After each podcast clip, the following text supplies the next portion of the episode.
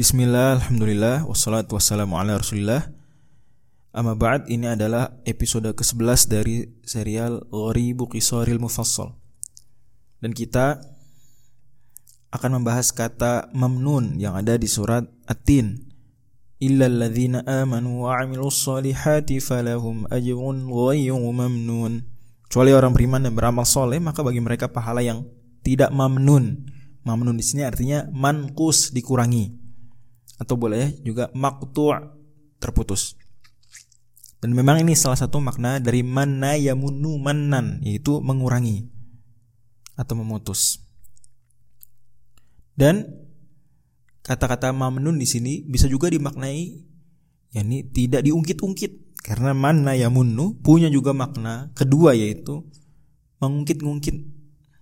Jadi Allah bilang bahwa nanti pahala mereka balasan mereka di surga tidak Allah ungkit-ungkit Allah nggak akan bilang ah dulu kan dulu kan. Nggak. Dan Allah subhanahu wa taala melarang kita dari melakukan man yang seperti ini mengungkit-ungkit pemberian mengungkit-ungkit kebaikan. Allah firmankan di surat Al-Baqarah ayat 264 Ya ayyuhalladzina amanu la tubtilu sadaqatikum bil manni wal adha. Jangan wahai orang beriman jangan batalkan pahala sedekah kalian dengan man mengungkit-ungkit atau di surat Al-Hujurat, yamunnuna 'alaika an aslamu. Mereka mengungkit-ungkit kebaikan kepada engkau wahai Nabi karena mereka masuk Islam seolah-olah mereka berjasa pada Nabi dengan masuk Islam. Ungkit-ungkit. Dan man juga di sisi lain punya makna ketiga yaitu memberi nikmat. Memberi kebaikan ya, khususnya dengan perbuatan. Laqad manallahu 'alal mu'minin surat Ali Imran. Allah telah memberikan nikmat kepada orang beriman. Termasuk Bani Israel, salah satu yang diberikan kepada mereka adalah berupa minuman namanya man. Atau kadang orang Indonesia bilangnya manna. Padahal sebetulnya man ya. Allah firmankan di surat Al-Baqarah tentang makanan mereka wa anzalna 'alaikumul manna wassalwa.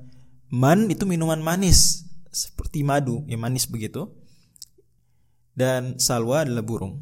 Puyuh burung yang kecil ya dimakan di salwa makanan man minuman. Apa hubungan antara makna-makna tiga tadi antara mengurangi atau memutus mungkin-mungkin pemberian dengan pemberian itu sendiri memberi kebaikan?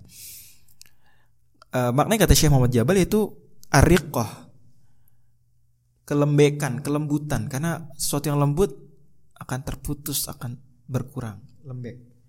Begitu juga pem, ketika memberi baik diungkit atau tidak sebenarnya menunjukkan pernah lembut kepadanya. Allah